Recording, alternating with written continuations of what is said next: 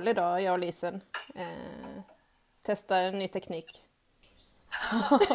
vi får se hur det här går. Eh, vi kände oss först väldigt duktiga och nu känner vi oss ganska osmart. Ganska dumma i huvudet. Ganska osmarta ja. Men ni är välkomna ändå till eh, Bokad. Jajamän. Med mig Frida. Eh, bokad. Mm. Och, det... mig Lisen. Ja. Och det här är alltså avsnitt 22. Precis. Har du läst någonting bra sen sist Frida? Jag har läst jättemycket som är väldigt eh, färgmatchat såg jag när allting låg här på bordet. Jag kan bara ja. vi, liksom eh, så här, shu, shu, shu, väldigt pastellfärgat. Snyggt. Väldigt pastellfärgat. Mm, mm. Mm, mm, mm. Grönt och rosa. Precis, och lite lila, lite sådär. Eh, passar faktiskt mitt eh, rum här också. Eh, lite gult, lite så brända toner. Väldigt snyggt. Fantastiskt att du har lyckats matcha din läsning. Det är kul när det blir så utan att man liksom försöker. Du... Alltså, det är kul om du hade försökt matcha dina böcker med ditt rum. Nej, men man kan ju välja böcker utifrån omslag. Det kan man ju göra liksom. Jo absolut, men inte utifrån hur bra de passar Nej. i rummet. Där, där tycker jag ändå gränsen går. Liksom. Jo, jag håller med. Och du då? Har du läst något? Ja, ja alltså jag flyttade precis mina, eh, eller mig själv, jag flyttade mig själv för att eh, eh, jag inte skulle låta för mycket och då glömde jag ta med böckerna. Så jag ska bara ta med dem lite mm. snabbt. Det går jättefort. Så, nu är jag tillbaka. Och så ska vi se här, då har jag läst en beige bok. Oh. Mm. Inte så himla roligt. Och en oh, och en tjock bok alltså. En, en tunn och en tjock. Nu vet ju inte ni lyssnare alls vad vi har fått se här så det blir extra spännande. Du? Nej men lyssnarna har ju inte fått se. Vi, vi har ju visat varandra här nu via smarta telefoner. Men, eh, men jag har också en liten liksom en del av de här böckerna var det länge sedan jag läste. Eh, mm. För att på senaste tiden har jag dels läst väldigt mycket. För att jag som du vet fick ont i min hälsena så att då fick jag eh, passa på att slappa lite. eh, men också så har jag kämpat med böcker som jag velat sluta läsa. Mm. Och inte vetat om jag... När kan man sluta läsa en bok? Det är min fråga. Och när är det ens förbannade plikt att läsa ut en bok? Eh, jag ja, brukar ju kul. alltid förorda eh, sluta, sluta, sluta när du inte vill läsa mm. färdigt något. Men ibland känns det som att böcker eh, behöver bli lästa liksom. Kan du känna så? Absolut, jag har känt så med eh, den tjocka boken jag läste nu. Mm funderade på hur, hur, mycket, hur mycket mer ska jag läsa av den här. Mm. Eh, och så håller jag faktiskt på med en bok just nu som jag funderar på ganska ofta. Ska jag läsa ut den här eller ska jag bara... Och vad är det som gör att du inte vill läsa eller som gör att du vill sluta? Um, nej men uh, ofta så är det väl att, uh, alltså dels om jag inte fångas av historien. Mm. Uh, eller berättelsen. Alltså att, att jag kan känna att, men jag, jag, jag kommer inte in i den här världen. Jag får hela tiden liksom eh, saker som, eh, som jag läser tar mig tillbaka till mig själv. Mm. Mm. Jag får liksom såna här, oh, oh nej det, det, är inte, det är inte verkligt liksom. Det känns inte verkligt. Då, då blir det så här, men då kanske jag bara ska läsa någonting annat som, där jag faktiskt dras in i Jag fattar inte det sista när du dras tillbaka till dig själv och det inte blir verkligt, vad menar du med det? Eh. jag, vill, jag vill att boken ska vara verklig. Aha. Jag vill att boken ska kännas som verkligheten, den ska kännas... Eh... Okej, okay, så riktig liksom. Alltså framställandet ja. ska vara så riktigt att du liksom, ja, mm. och, och när jag läser någonting som får mig att haja till och får mig att inte fortsätta vara i den världen. Mm. Då känner jag att det här är inte någonting som jag borde lägga tid på. Nej, Nej för jag... Men ja. mm. så har jag ju ändå inte slutat med någon av dem. Nej. Så att eh, jag har ju fortfarande velat eh, läsa ut dem av andra anledningar. Ja, för jag fick vi har haft lite diskussioner på jobbet om att jag läser så mycket kvinnliga författare. Och så mm. var jag då lite kaxig och sa fast nu läser jag faktiskt en manlig. Eh, Och då var det boken Allt förgäves av eh, Walter Kempowski. Eh, Som har fått så här, eh, ordet mästerverk. Liksom. Handlar om andra världskriget i Tyskland på ett gods. Liksom. Alltså, all, den är jättesnygg, allting verkade jättebra. Jag tyckte, tyckte att den var bra. Men ändå var det, alltså, jag, jag var distraherad hela tiden när jag läste den. Eh, Lite torrt språk, alltså... Ja, och så kände jag, fast jag borde ju läsa det här om andra världskriget. Jag borde verkligen göra det. Men sen kom jag till en punkt så bara, nej, nu har, det kommer så himla mycket nu. Jag, jag pallar inte. Så jag slutade Ja. faktiskt. Efter hur många sidor då? Nej, men jag hade nog läst 150 kanske i alla fall. Eh, Mm. Men det var inte så att jag undrade hur det skulle gå liksom. Nej. Det var bara en Men var det plikt. halva boken eller var det en Ja, men en tredjedel var det nog faktiskt. Ja. Ehm, och det var nog också där jag vill visa att jag kan läsa manliga författare. Det var lite det som eh, drog, eh, gjorde det svårt. Men, eh, nej, men den var, det var någonting som inte fångade mig i språket då antagligen, eller i historien. Mm. Därför sen läser jag en bok nu som är faktiskt fantastisk, som heter Systrarna av Anna Jörgensdotter. Eh, har du hört talas om den? Den är så himla fin också. Eh, den läser jag nu. Och jag har den... inte hört talas om den men jag känner igen författaren. Mm. Nej, hon har skrivit annat också, men den är helt ny. Ja. Eh, Men den, eh, den är, har jättebra språk och liksom, den handlar om intressanta teman, men den är jäkligt tung. Eh, Så jag har faktiskt fått så här, hoppa över vissa kapitel för att de triggar saker i mig som jag inte vill. När jag läser vill jag gärna bli pausa från vissa saker och så. Får jag fråga vilka... Ja men det är anorexia, det, hon var inlagd på sluten avdelning i ett år för anorexia. Jag tycker det är för jobbigt att läsa. Ehm, Ja, men jag tänker att det kan vara bra att veta för att eh, mm, anorexia är kanske inte så triggande. för vissa, För nej. mig? nej precis. Nej. Sen handlar den om moderskap och där, eh, det är också rätt tungt men där känner jag att jag har kommit en bit så att den, de kan jag Mm. Det så... kanske skulle vara mer triggande Ja, precis. Mm. Eh, nej men så jag har varit, då har det varit så här, ja men oh, det är för jobbigt, ska jag liksom lägga min fritid på att läsa något så här jobbigt? Men, men den här kommer jag nog att läsa ut, jag har kommit ha- halvvägs.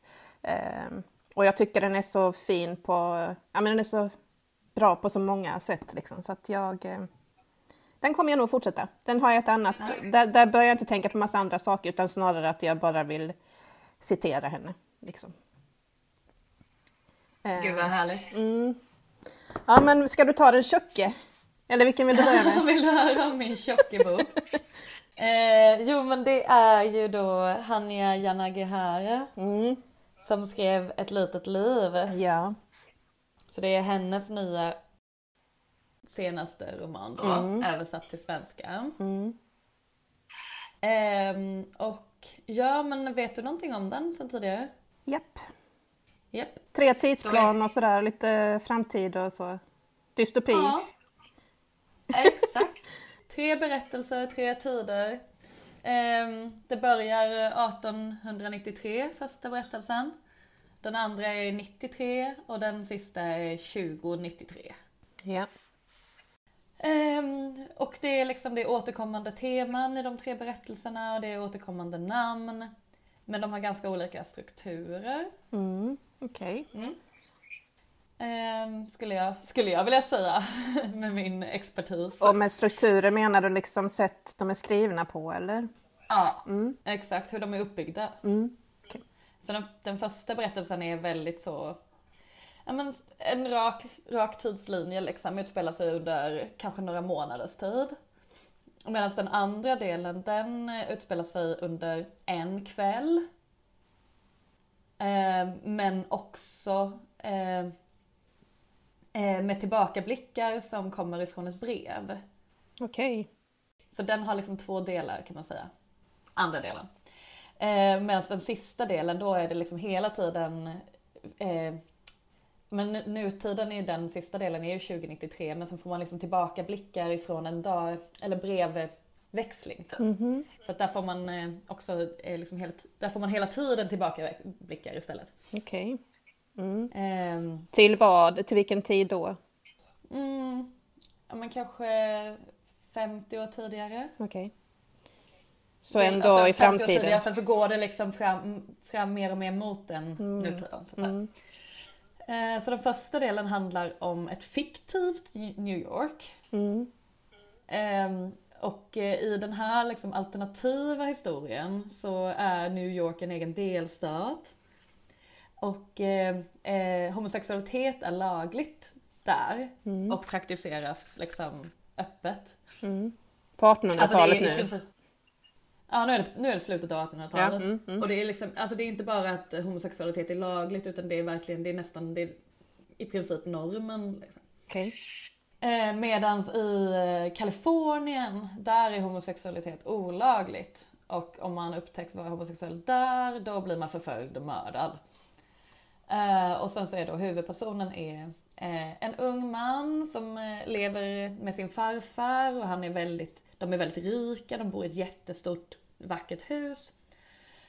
Och eh, den här eh, unge mannen då, han har inte kunnat giftas bort. För att han lider av ganska svaga nerver. Så han är inget bra, han är ingen bra Eh, eller han, han, eh, han är lite svår att giftas bort. Men, eh, men de har, hans farfar har hittat en, en make till honom i alla fall. Mm. Eh, men, eh, och han verkar väl vara helt okej så liksom. Eh, inte superintressant. Men, och så träffar han David, den unge mannen, träffar en ung musiker istället.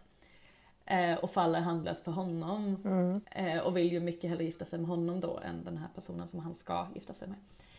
Men eh, sen börjar allting peka på att den här musikern han har träffat är förmodligen en svindlare. Mhm. Eller liksom sol och vårare. Eh, och att han kommer lura iväg honom till Kalifornien där det är olagligt att vara homosexuell och eh, i princip överge honom och ta hans pengar. Men är det ändå värt att ta den risken? Är liksom... Är det rykten han har frågan. hört om den här personen då eller, eller Ja, är det det hans hans- beteende som... eh, Ja, men dels är det väl att han, han har ett visst beteende som inte riktigt eh, går att förklara men också att hans farfar har gjort en bakgrundskoll. Okej. Eh, låtit en detektiv undersöka honom. Därför Men då kan man ju också fråga sig att det, så här, det kanske kan vara farfars sätt att liksom få honom att inte gifta sig med honom. Det kan ju vara lögn liksom. Mm. Men är det värt att testa? Mhm. Mm. Är den frågan man får ställa sig där. Mm. Ja, och sen den andra delen, den som handlar om 93, eh, 1993. Eh, då eh, är det en, en ung man som lever det livet som den första unge mannen kanske hade fått om han hade gift sig med den här eh, som han skulle gifta sig med. Okej. För det, är- ja, men det är en ung man som har invandrat till New York från Hawaii. Eh, och han är, gift, eller han är ihop med en äldre rik kille. Och eh, ja, men det är lite så här, ja, hur, hur kul är det att vara ihop med någon som kommer från ett helt annat samhällsskikt än en själv? Och, och hur blir maktförhållandena i, Mm. i ett sånt förhållande? Mm. Ehm, och det här utspelar sig under bara en enda kväll. Men den här unga killen då, han har fått ett brev från sin pappa som är i Hawaii. Eller som är kvar i Hawaii. Eh, och eh, till slut öppnar han det här brevet och då får vi liksom följa pappans berättelse om hur han, hans uppväxt har varit och hur han har varit som förälder och hur mycket han har svikit sonen bara genom att vara en inte speciellt bra pappa. Mm. Alltså, han har liksom inte... Han har inte gjort någonting ondskefullt egentligen. Eller, han, eller på ett sätt blir det ju det. För att det handlar om att han har inte kunnat, han har inte kunnat vara den pappa han borde ha varit. Men han har inte, han har inte med mening gjort någonting. Har han insett detta själv och skriver brevet och liksom gör någon slags avbön eller? Eh, Ja, ja precis. Ja, det kan man nog säga. Mm. Mm. Fast han känns som en person som kanske har bett om ursäkt för sig själv hela sitt liv. Liksom. Okej, men inte till sin son kanske då? Jo, Okej. jo men på sätt och vis. eh, Det känns som att eh, det kanske, alltså för sonen eh, drar sig ju ganska länge för att öppna det här brevet. Och jag tror att han, han, vill, äh, äh, han vill väl egentligen inte höra det här mm. fler gånger. Mm, okay. eh, jag vet inte, jag får en känsla av att han, han har nog bett om ursäkt för sig själv flera gånger. Mm. Eh, och sen i den sista delen då, som utspelar sig 2093. Mm. Då har, eh, men då är vi, vi, alltså vi är tillbaka i New York, vi är alltid i New York. Och vi är alltid i samma hus också, det här jättestora fina huset. Mm. Eh, men i den sista delen så har det här stora huset eh, delats upp i små eh, i små, i små lägenheter. Mm. Eh, och eh, samhället har stängts ner, det har effektiviserats, det har omstrukturerats. För att möta först alla pandemier som kommer.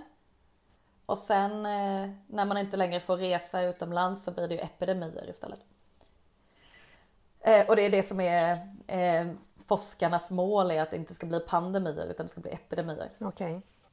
Okay. Eh, och eh, ja men de sliter sönder samhället. Och sen är det klimatet också, klimatförändringarna. Eh, som bidrar till ransonering av mat och vatten. Och. Ett instängt samhälle då? Eh, ett eh, totalitärt mm. instängt mm. samhälle. Har New York blivit. Mm. Och där får vi följa en ung kvinna. Okay. Och eh, i de här tillbakablickarna så är det hennes eh, farfar som, som skriver eh, brev. Och, eh, och han är en av dem som liksom, ja, men hjälper till att ordna det här samhället som, eh, som blir den här totalitära instängda staten. Okay. Eh, och han gör ju det för att han är en forskare. Mm. Och det är det, liksom, det logiska sättet för honom är att försöka eh, ja, men stävja smittorna liksom. Mm. Men eh, de eh, hur det, hur det eh, får, vilka, vilka konsekvenser det får för människor att leva i ett sånt, en sån mm. värld kanske egentligen inte är värt Nej. det. Är det värt att vara vid liv när det är på detta viset? Mm. Mm. Ja det, det är verkligen en, en stor fråga mm. i den sista delen. Det finns en väldigt underhållande recension av Ann Heberlein i Svenska Dagbladet. ah? Där hon fullkomligt sågar den här boken. Jaha. Alltså verkligen avskyr Har du något citat eller? Eh, eh, nej, jag, jag eh, tog inte med något citat men, men det var ganska roligt i alla fall. Mm. Håller du med henne då eh, eller? Hon, hon vill att den ska ta slut, alltså det är en bok som hon önskar att den ska ta slut. Uh, jag skulle inte säga att jag är så kritisk men den är ju, den är ju alldeles för lång. Mm. Alltså, absolut för lång. Hur lång är den? 765 sidor. Mm. Uh, men jag tycker att den är, alltså den har liksom, den har verkligen sina sidor. Den är inte och det var ju därför jag läste färdigt den också mm. tänker jag. Mm. För att det finns eh, väldigt, alltså det finns ändå delar av den som är intressanta och gripande. Mm. Eh, och särskilt tycker jag när hon skildrar föräldraskap, för det det är både i den andra delen och i den tredje delen handlar ganska mycket om föräldraskap. Och att vara en otill, otillräcklig förälder. Mm. Eh, och, och de och föräldrarna vet om att de är otillräckliga men de är ändå oförmögna att förändra sig. De kan liksom inte bli någonting annat än vad de är. Mm. Eh, dessutom tyckte, ja men Anna Heberlein tyckte också att översättningen var pinsamt dålig. Mm. Okay. Ja. Expressens recensent sa att den var kompetent. okay. Jag tycker det är intressant om man ska prata om översättningar. Ja. Om man överhuvudtaget ska prata om översättningar liksom. Mm. Mm. Har du läst den här boken om översättningar? Eh, ja, ja, exakt. Och eh, den, eh, han... Eh, vad heter den då? Gudars... vad heter den? Dolda gudar. Dolda gudar. Mm. Ja. Och i den boken så säger ju han att man ska prata mer om översättningarna. Ja, exakt. När man recenserar en bok till exempel så ska man prata om översättningarna. Men det visar ju att det är ganska svårt. Måste man inte veta något om förlagan då, tänker jag? Alltså... Jo, det är ju det man måste veta kanske. Eh, men jag tyckte liksom aldrig att översättningen var ett problem när jag läste boken. Eh, för det, och det tänker jag är ett ganska gott betyg. Mm. Mm. Eh, för nu läser jag en bok mm. där jag hajar till på alltså, nästan varje sida över märkliga formuleringar. Och vad är det för bok? Det måste du säga. Nej, det måste jag inte säga. det, det är väl taskigt att säga att den Okej. här översättningen tycker Okej, jag är ja. jättedålig. Ja. Men, men jag tänkte bara formuleringar som Har du hört det här, den här formuleringen någon gång? På svenska, långskott. Det var ett långskott. Ja, det var ett långskott. Ja. Nej, jo.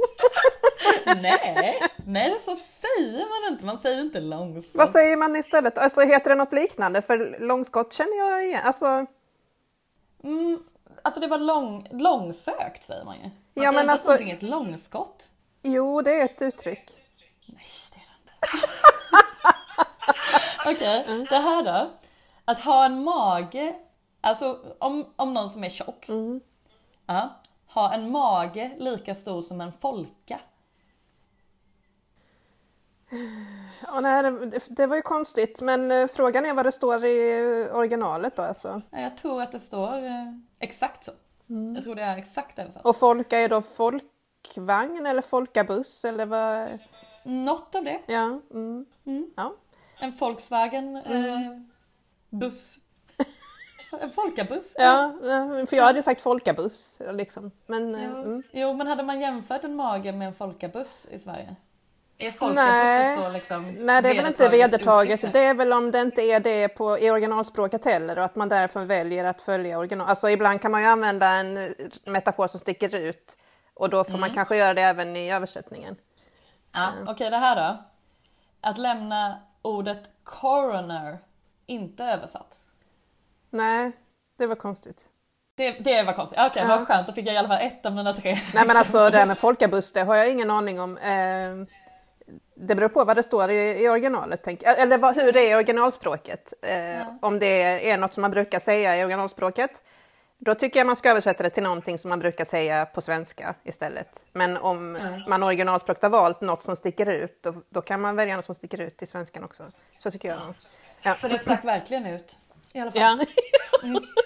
Jag tyckte det var mycket märkligt. Nej, och det beror ju helt på vad det är för typ av språk. Är det ett poetiskt språk eller är det bara liksom ett eh, bruksspråk så, Det så här, är sticker det ju, ut. det här är en deckare jag läser nu. Ja, nej, det, Så det är det, bruks- låter lite konstigt. Ja, Men det är långskott, där tror jag du får ge dig. Okej, jag, jag har aldrig hört någon säga långskott. Det är ett långskott. Nej. Okej, men eh, du vet ju att jag älskade Hanya Yanagiharas Ja. eh, förra bok, Ja. Ett litet liv. Ja. Och eh, det som jag kanske mest blir besviken på i Mot paradiset, det är att eh, den är så otillfredsställande. Okej, alltså man får ingen liksom... eh, Det gå- går inte som man vill liksom eller... Eller vad är otillfredsställande? Ja, nej, inte riktigt så. Eh, eller ja, dels såklart, dels det. Men, eh, men eh, alltså det är verkligen, det är ändå ett grepp som hon använder i den här boken. Att eh, vi får liksom aldrig veta vad som händer sen. Nej, okej. Det är lösa trådar och sånt liksom. Ja, berättelserna slutar när Mm.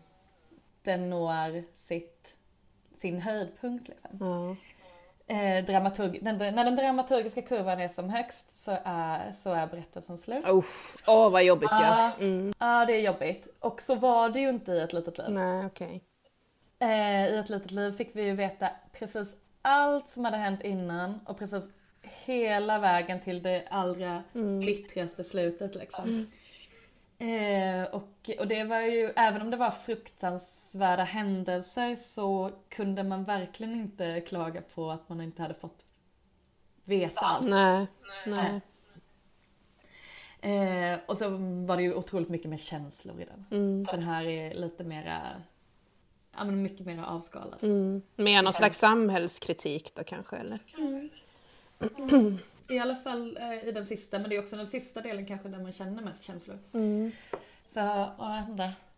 Men här, eh, här lämnas man liksom ganska ensam Ja. med att fundera på vad som hände. Och, ja, det känns liksom lite som att man lämnas i sticket. Mm. Som bok man skulle behöva prata om då kanske? Ja, fast ja, ja. Fast det blir ju bara att spekulera och hitta på ju. Ja, precis. Jag tror det, ja, det hade nog inte hjälpt riktigt. Nej. Jag hade velat ha... Det hade kanske inte behövt vara tre berättelser. Nej. Det hade kunnat räcka med att hon tog en av, ja. en av dem och skrev mm. liksom, mm. färdigt den. Mm. Ja. Nej, den kommer jag inte läsa. men, men, jag har inte läst Ett litet liv heller. Den, eh, jag väntar på rätt tillfälle i livet för den. det är alltid rätt tillfälle och det är absolut aldrig rätt nej, tillfälle för att läsa nej, Ett litet liv. Jag förstår det. Nej men, eh, men eh, skämt åsido så är det en... Det är klart du ska läsa Ett litet liv, den är helt Jo men jag ska göra det någon gång. Mm. Ja, vad ska jag ta här då? jag har ju två ju... otroligt fantastiska böcker här som jag läste för ett litet tag sedan så jag kommer nog inte gå så djupt på, på dem. Men eh, ja, vi kör eh, detaljerna då.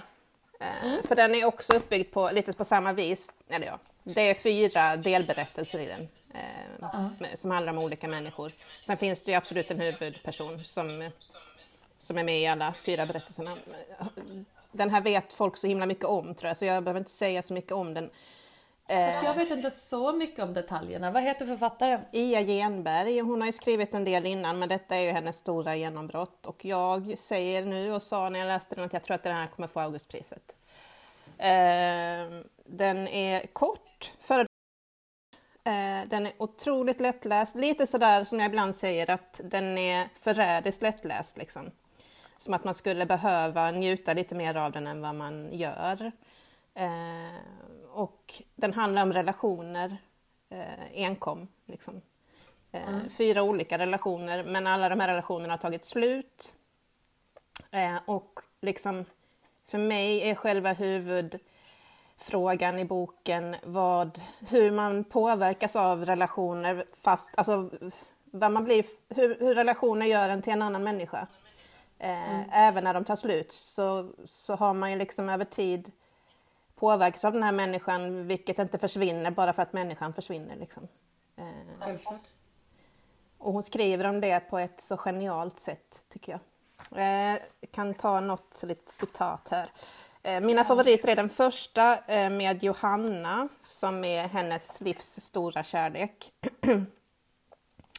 Eh, jag anpassade mig, gjorde min egen version, lät henne förändra mig för alltid. Jaget är ingenting annat än detta, eller det så kallade jaget. Lämningar av de människor vi gnider oss emot. Jag älskade Johannas ord och gester och lät dem bli en del av mig, avsiktligt eller inte. Det är väl det som är kärnan i relationerna vi har och det är väl därför de i någon mening aldrig tar slut. Och hon är också hennes, alltså hon är, det är hennes absolut stora kärlek i livet och liksom eh, eh, eh, ingen kan jämföra sig med henne. Liksom, har man varit med om det en gång så är det liksom nästan en...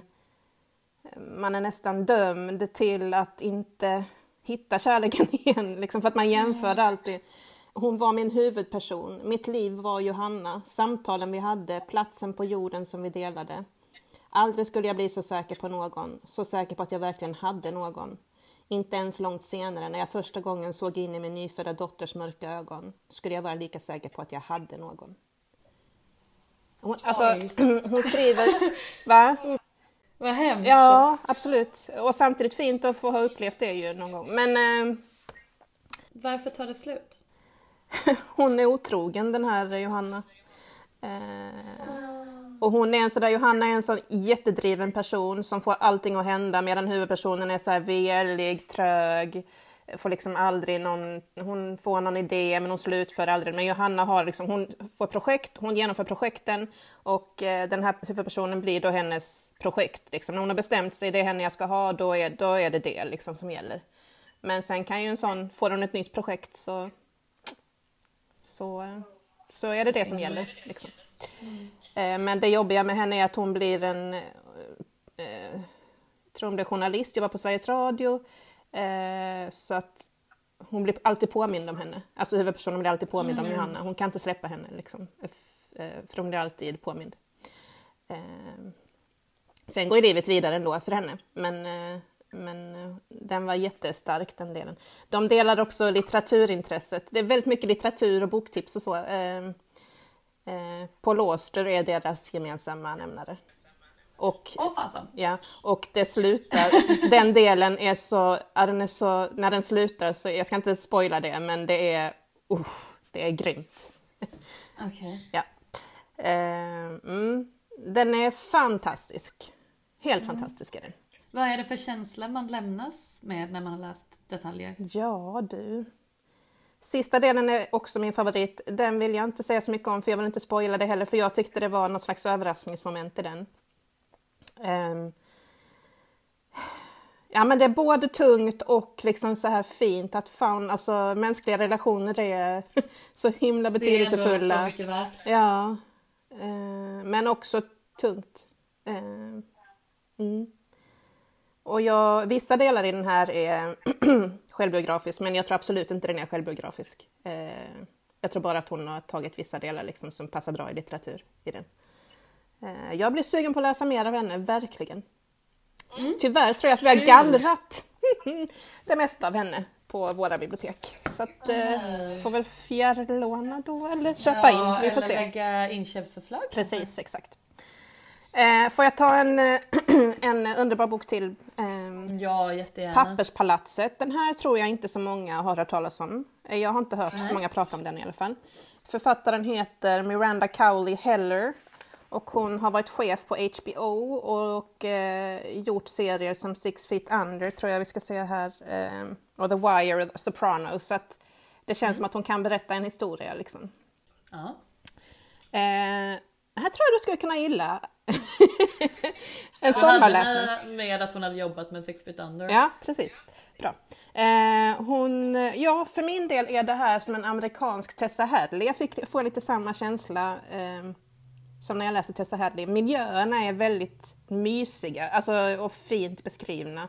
Här är det Cape Cod den utspelar sig i. Och det handlar om ett sommarhus som den här släkten har, som boken handlar om, där huvudpersonen heter Elle. Hon har tre barn, eh, en eh, jävlig mamma, eh, haft en skitjobbig uppväxt. Det kommer en massa tillbakablickar i den här boken också. Ehm, eh, en man som heter Peter och en, eh, en gammal barndomsvän och barndomskärlek som heter Jonas. Eh, och det börjar med eh, att det börjar med en kväll där de eh, dricker väldigt mycket och eh, hon är gift med Peter, de har det bra, men den här Jonas och hon eh, får till det så att säga. Eh, och jag tänkte, nu finns det ingen återvändo. Jag behöver inte längre ångra det jag inte har gjort. Nu behöver jag bara ångra det jag har gjort. Jag älskar honom, jag hatar mig själv. Jag älskar mig själv, jag hatar honom. Detta är slutet på en lång historia. Och jag tyckte det var ett så himla bra, eh, himla bra början. Ehm, alltså hon har gått, de, har haft en, de, de har haft en relation hela liksom sin, sen de var små, typ sen de var 13. Hon är två år äldre än honom. Har de förstått att de är kära i varann och, och så. Men det har liksom varit hinder i vägen hela tiden men de har aldrig kunnat släppa varandra. Um, och jag tyckte det var så det här nu, nu har hon gjort någonting att ångra istället för att undra hur någonting skulle bli. Det tyckte jag var väldigt starkt. Um, Japp, den är också relationer handlar den om såklart. Eh, och väldigt jobbiga passager i den också. Eh, men jag tyckte den var svinbra, jättebra berättelse och det var inget förutsägbar utgång på den här boken. Jag kunde absolut inte räkna ut hur det skulle bli. Okej. Och var det, var det positivt? Mm. Det var tycker du? positivt, japp. Ja. Det gillar jag. Mm. Ja. För jag har börjat komma på, eller jag har börjat tänka att jag gillar när det är lite förutsägbart. Okej. Mm. Att det finns dramaturgiska eh, kurvor finns av en anledning. Det jag beror på vad det är för bok jag läser. Är det, är det feelgood ja, men, och deckare, ja, då, då är det ju så. Men om jag läser en annan typ av roman så, så tycker jag, även i feelgood tycker jag, det är en riktigt bra feelgood är när, när, nej, men när det inte riktigt går exakt som man eh, tror. Tycker jag nog. Mm.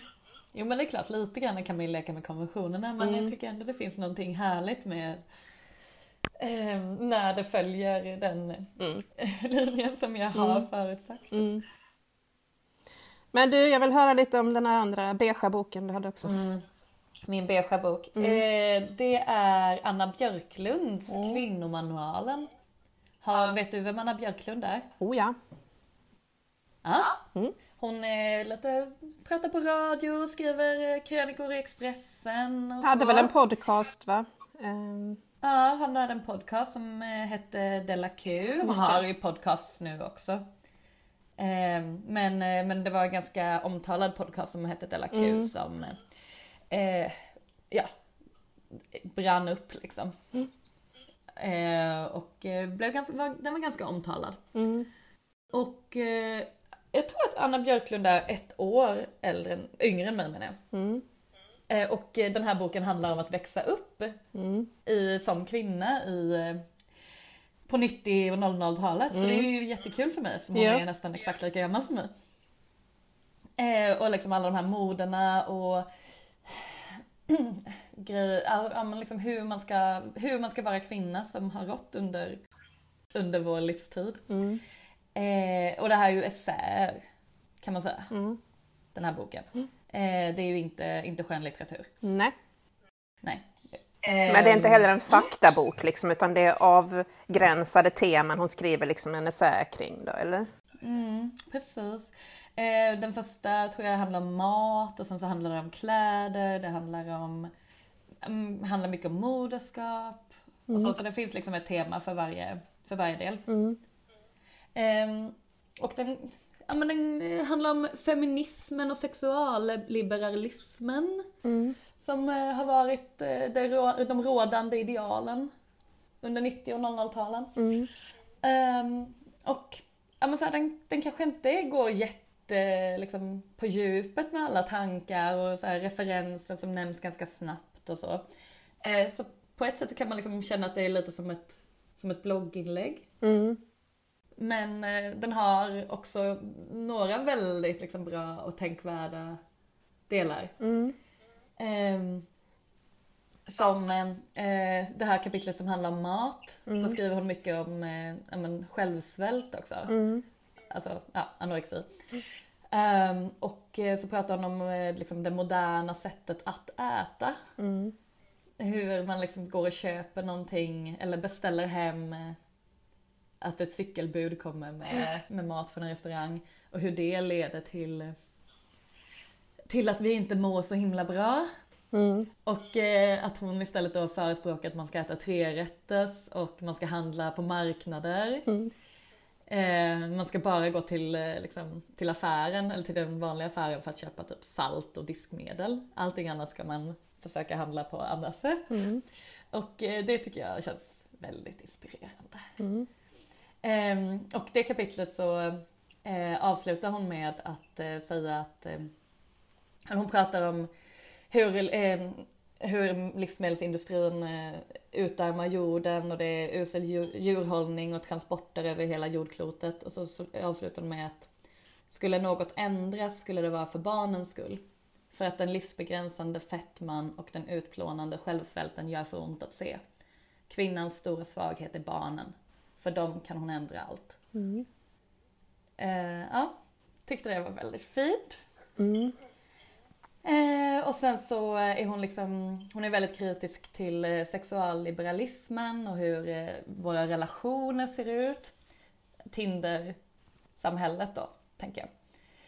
Eh, när det inte finns några sociala krav på äktenskap eller någonting i den stilen överhuvudtaget. Så skriver hon att feminister har argumenterat för frihet, för rätten att få lämna och inte vara inlåst av varken juridiska, ekonomiska eller sociala skäl. Men när kärleken väl släpptes fri med hjälp av aborter, preventivmedel och stora förflyttningar av sexualmoralen verkade ingen ha räknat med att den först, det första den skulle göra var att sticka långt därifrån. Och att det kanske skulle vara kvinnorna som saknade den mest. Alltså kärleken. Mm. Eh, att frihet kanske inte alltid leder till... Nej. Um, och sen så tänker jag väldigt mycket på när jag läser den här, eh, på den tiden då Hans Rosling, du vet Factfulness och hur jag lärde mig förstå världen, Hans Rosling. Mm. När han var på allas eh, hjärnor, när alla var så himla mycket eh, inställda på att eh, världen var så himla bra just mm. nu. Eh, därför att alla siffror tyder på att det är så bra. Han tolkade världen på ett positivt sätt ja. Mm. mm. Och eh, jag liksom var i diskussioner med folk som sa att ja men säg någonting som har blivit sämre då. Mm. Och jag bara ja, nej men det är väl en känsla liksom. och de bara nej, för spädbarnsdödligheten har sjunkit och svälten minskar och tillväxten ökar och så här, allting som går att mäta med siffror tyder ju på att allting är bra. Mm. Men eh, att det finns andra värden som har försvunnit. Mm. Eh, så, eh, till exempel så pratar hon då om en eh, historisk vandring i Stockholm. Som hon gör ihop med någon tv-historiker och sån eh, grej. Och då, hade hon, eller skriver hon att jag hade läst en essä om hur det var att vara tjej på medeltiden. Och i jämförelse med ensamheten i min gula piké, ja, hon jobbar på IKEA så det är därför hon har en gul pikétröja på sig. Eh, lät det toppen. I städerna drev kvinnorna värdshus och hade små verksamheter. Familj i ett rum och företag i ett annat, det var ju perfekt. Och bara en procent dog i barnsäng stod det. Jag hade förväntat mig det tiodubbla. Det där med att det skulle varit så fruktansvärt förr i tiden, hade tv-historikern sagt, är bara något de säger för att tvinga människor att vara tacksamma över allt som egentligen är hemskt nu. Det märktes att det låg män bakom uppfinningarna och företagen som fått alla kurvor att sticka iväg en gång i tiden. Ja. Nej, det är väldigt spännande och eh, ja men vem ska man lita på liksom? Alltså grejen är att man behöver ju verkligen inte hålla med henne om Nej. allting. Nej. Eh, och, det, och det är inte det jag menar heller, men jag tycker bara det är intressant att eh, någon kritiserar moderniteten. Ja. För till exempel så pratar hon om att eh, ja, men när man får eh, kanske liksom möbler som är billiga och lätta att byta ut så tar man bort det här eh, liksom vardagliga handarbetet som ändå Mm. fanns förut. Absolut. Där man var tvungen att kanske, jag vet inte, fixa sin stol eller Ja, liksom men bygga att uppskatta den på ett sätt, alltså om den har fått ta tid att göra eller liksom... Mm, och du har skapat den själv med dina egna händer. Mm. Då har du fått lösa ett problem som Mm, liksom ändå, ändå är möjligt för dig att lösa. Och det ger ju en tillfredsställelse som det inte kommer göra att du får en skitmöbel som går sönder om ett år. Men då gäller det att man har tid att göra den här möbeln. Eh, Ja. mm, Och det är ju det vi inte har. nej. Nej. Eh, då skulle vi ju behöva en samhällsförändring. Liksom. Mm. Eh, och det, det handlar ju om självhushållning och ja, men, det är mycket sånt som... Jajamän. Eh, men eh, ja, men det, det, och det har hon ju ingen liksom lösning Nej, på hur nej, det skulle men eh, göras. Men hon är kritisk mot hur samhället har utvecklats. ja. Jag läste Eh. en recension, eh, eller en, i, i, i morse, Maria Sveland påpekade, eller tog upp den här i en annan debatt som handlar om ifall mödrar får ångra sina barn. Eh, så eh, tog hon eh, Eh, För det har varit en diskussion kring detta, jag vet inte om du har hängt med i den. Men eh, så tog hon upp henne som exempel eh, på att, nej men på en, den här nya vågen av att vilja gå tillbaka till 50-talet. Eh, mm. Att det är, lättare att, det är lättare att vara den som roddar hela hemmet för att eh, då slipper man liksom, nu kommer jag inte ihåg hur hon sa, men i alla fall, eh, ja hon var ju kritisk helt enkelt. Mm. Nej men absolut och, eh, och de, de delarna där hon pratar om att dela upp hushållssysslor och så kanske inte är de delarna jag håller med henne mest om. Nej. Men, men jag håller med henne om att det finns mycket i det moderna samhället som inte känns det känns liksom inte helt människotillvänt. Nej, och inte med, Moder Jord tillvänt heller. Liksom. Eh, Absolut inte nej. nej. Precis, det har du, det verkligen, det stämmer. Eh, men sen så finns det andra delar, eller okej, Maria Sveland eh, håller inte med om vissa delar, och jag, men jag har invändningar mot andra delar. Mm, mm, Till exempel så är hon ju gift med Kristoffer Svensson. A.K. Kringlan. Mm. Kringlan, K. Svensson. Mm. Eh, han, eh, eh, det känner väl de flesta till att han, han sa jättedumma saker och eh, efter det så blev han liksom persona non grata i hela Sverige. eh, och nu är väl det liksom ganska bortglömt men eh, det är ju jätteintressant att veta hur det var för henne. Mm. För de var gifta då, de, de hade inte varit gifta särskilt länge. Aha, de var gifta då ja. Nej, de hade gift Mm. sig efter fyra månader. Ja, precis. De gifte sig tidigt och ganska snart efter det så hände det här Mm, att han uttalade sig jättedumt. Mm. Eh, och, och det går hon in på men inte så himla mycket liksom. Nej. Jag hade velat my- veta mycket mer om hur det kändes Ja. för henne. Ja, att vara tillsammans med någon som är henne- så hatad. Ja, och också välja att skaffa barn, kanske med en person som... Alltså frågan är vad han har, om han har liksom... Jag undrar om hon kanske redan var gravid till och med. Ja, okej. Mm.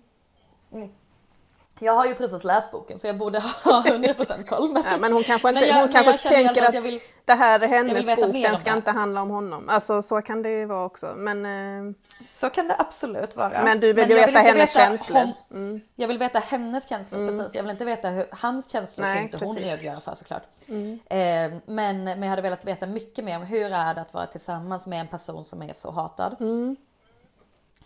Eh, för sen nämligen så pratar hon om när den här podden då, när Della Q eh, upplöstes och hur det gick till och hur hon blev sviken av sin vän som hon hade podden med och hur det ledde till ett drev mot henne och eh, alltså mot Anna Björklund och eh, att hon förlorade sina uppgift, eh, uppdrag och så. Mm.